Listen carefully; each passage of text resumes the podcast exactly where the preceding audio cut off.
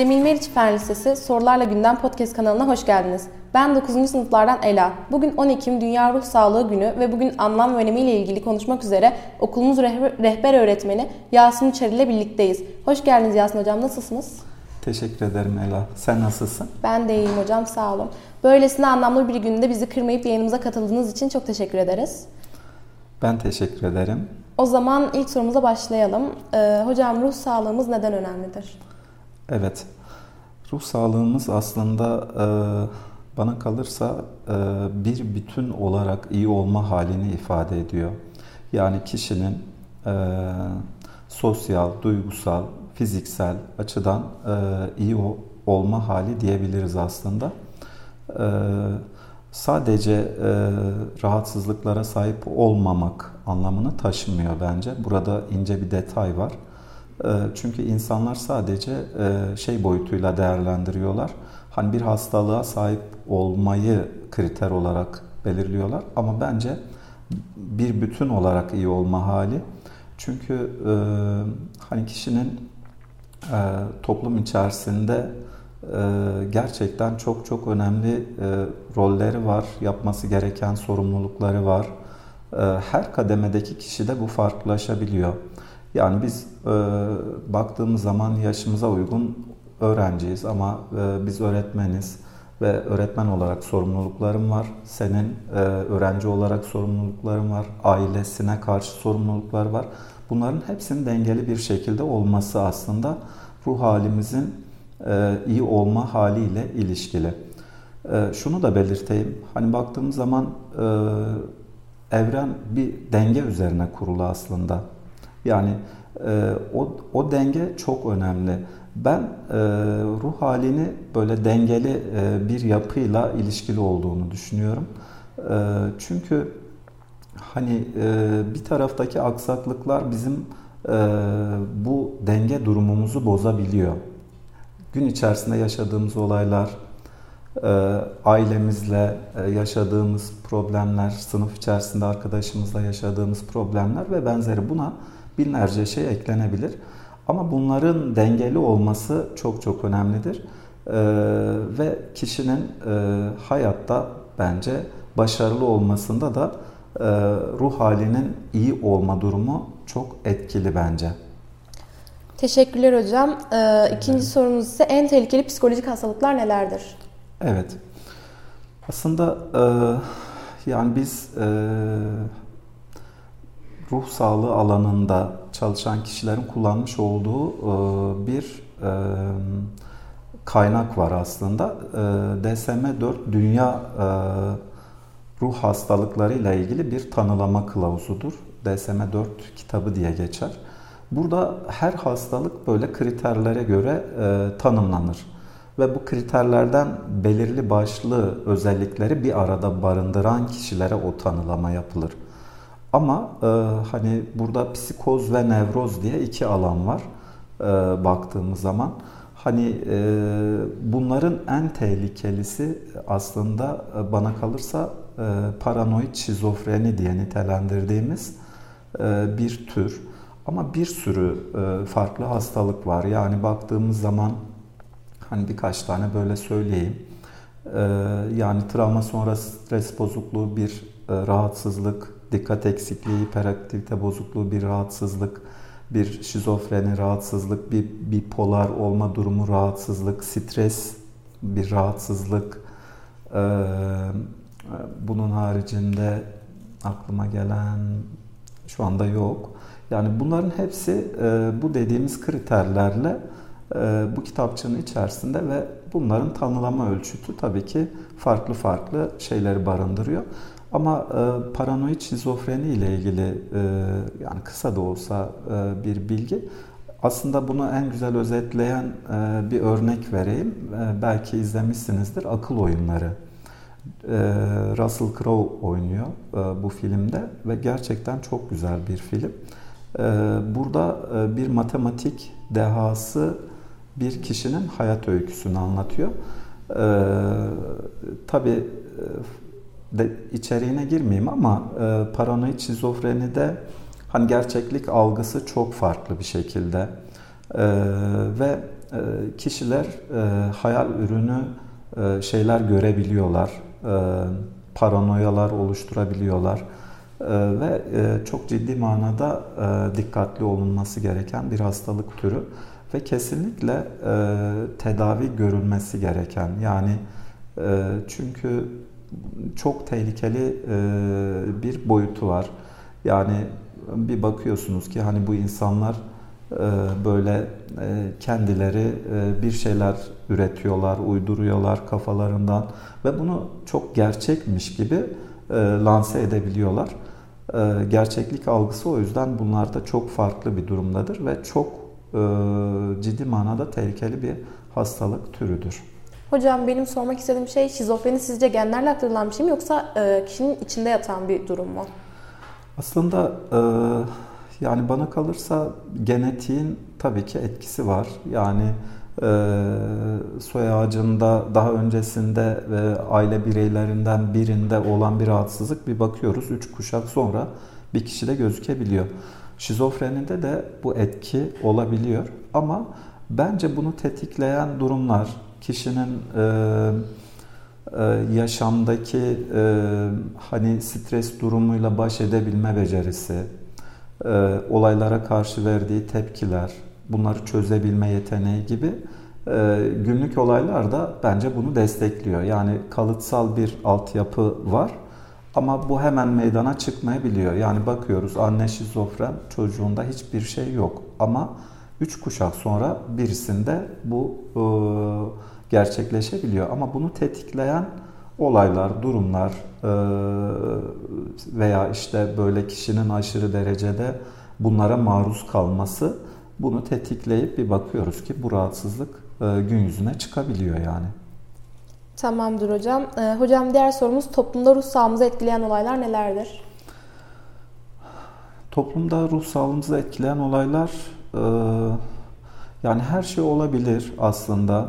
E, yani en basitinden güne uyandık, okula geliyoruz. E, serviste servis şoförüyle yaşadığımız bir olay, bir e, tartışma, e, servisteki koltukta oturan bir arkadaşımızla yaşadığımız bir sıkıntı, sınıf ortamında öğretmenimizin bize bir şey söylemesi e, veya annemizin babamızın bize e, işte e, ne bileyim hani belki ders çalış demesi bile bazen e, ruh sağlığımızı veya o günümüzü ciddi manada olumlu ya da olumsuz etkileyebiliyor. E, bu sadece günlük yaşadığımız olaylar. Sağlık problemleri buna eşlik edebilir. E, öğrencilerin veya işte bizim yaşımızdaki e, bireylerin ailelerinde yaşadıkları problemler, anne ebeveynlerin birbirleriyle yaşadığı çatışmalar ve bunlara şahit olma, e, sağlık, ölüm e, veya işte bir e, deprem veya bir işte yaşadığımız doğal afet bunların hepsi e, ruh sağlığımızı olumsuz etkileyebilir. E, ve hani burada kişilerin bence bunların üstesinden e, gelebilme yeteneği çok önemli. Yani ee, şöyle bir örnek vereyim. Aslında mesela stres durumu. Ee, hani belirli bir dönem bazı şeyleri gizli tutabiliyoruz aslında zihnimizde. Hiç kimseyle paylaşmıyoruz. Hani içimize atabiliyoruz ve bunlar birikiyor, birikiyor. Belirli bir süreden sonra e, ne oluyor? Artık e, taşıyor. Yani bardağa sığmıyor. Artık e, kaldıramayacak bir duruma geliyoruz. Bunu en güzel özetleyen e, örnek şu olabilir. Hani bir e, balon düşün, sönükken gerçekten her şekliyle saklanabiliyor. E, cebine koyabiliyorsun, elinin içinde, avucunun içerisinde tutabiliyorsun. Ama e, sorunlar da aynen o balonun büyümesi gibi. Büyüdükçe büyüdükçe artık saklanamaz bir hal alıyor ve e, ne yaparsan yap saklayamıyorsun, görünüyor. Yani balon şişti, şişti ve belirli bir boyuta ulaştığı zaman artık bunu e, gizlemek, saklamak mümkün olmayabiliyor. E, o yüzden hani e, bunların hepsi birbiriyle ilişkili ama stres gerçekten belki de bunları besleyen e, en temel etken. E, hani yapılan araştırmalar şunu gösteriyor. Dünyada 100 kişiden 5'i e, depresyonda. 100 kişiden 5'i. Çok büyük bir oran ve bana kalırsa bunların yani hepsinin temelinde e, bu durum söz konusu. Hocam e, bir diğer sorumuz ise ruh sağlığımızı etkileyen bağımlılık olaylarına karşı ne yapabiliriz? Evet, e, aslında bağımlılık e, çok ayrı bir şekilde konuşulması gereken konulardan biri. Çünkü çok çok geniş bir yelpazesi var.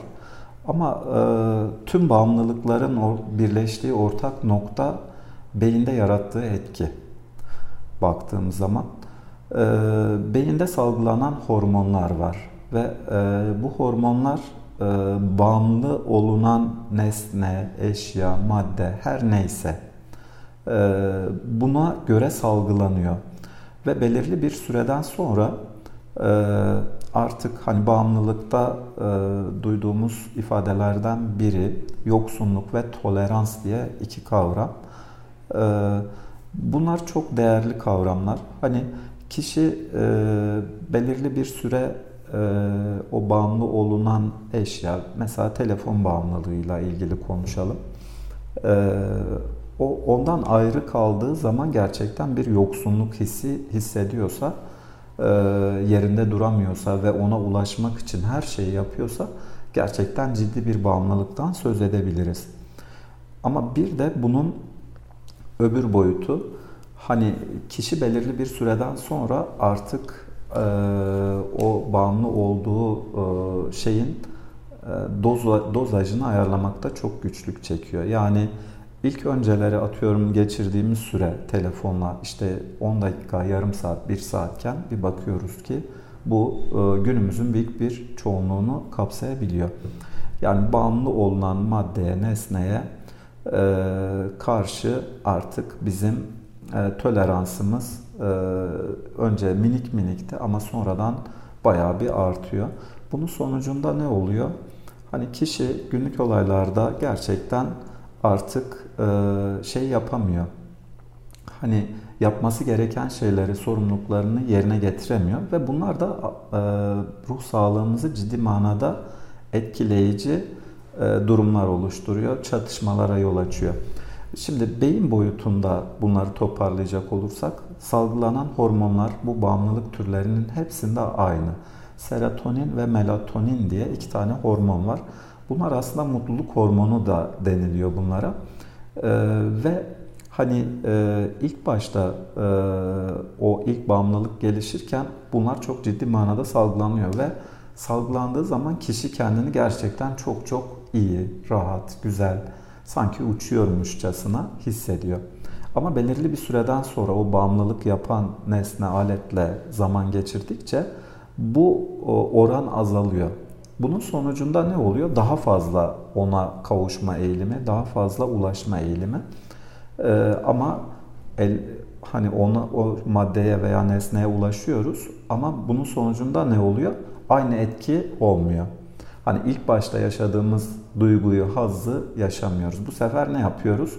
Daha fazla ona vakit ayırmaya çalışıyoruz. Daha fazla hayatımızda e, öncelik sıralamamızda daha en öne geliyor bence. E, o yüzden hani bağımlılık türlerinin hepsinde bu e, durum geçerli. E, bundan kaynaklı diye düşünüyorum. Hocam e, konuşmamız boyunca ruh sağlığı ile konuş, ruh sağlığı ile ilgili konuştuk. E, benim son sorum ise ruh sağlığımızı korumak için neler yapabiliriz? Görüşleriniz neler? Evet.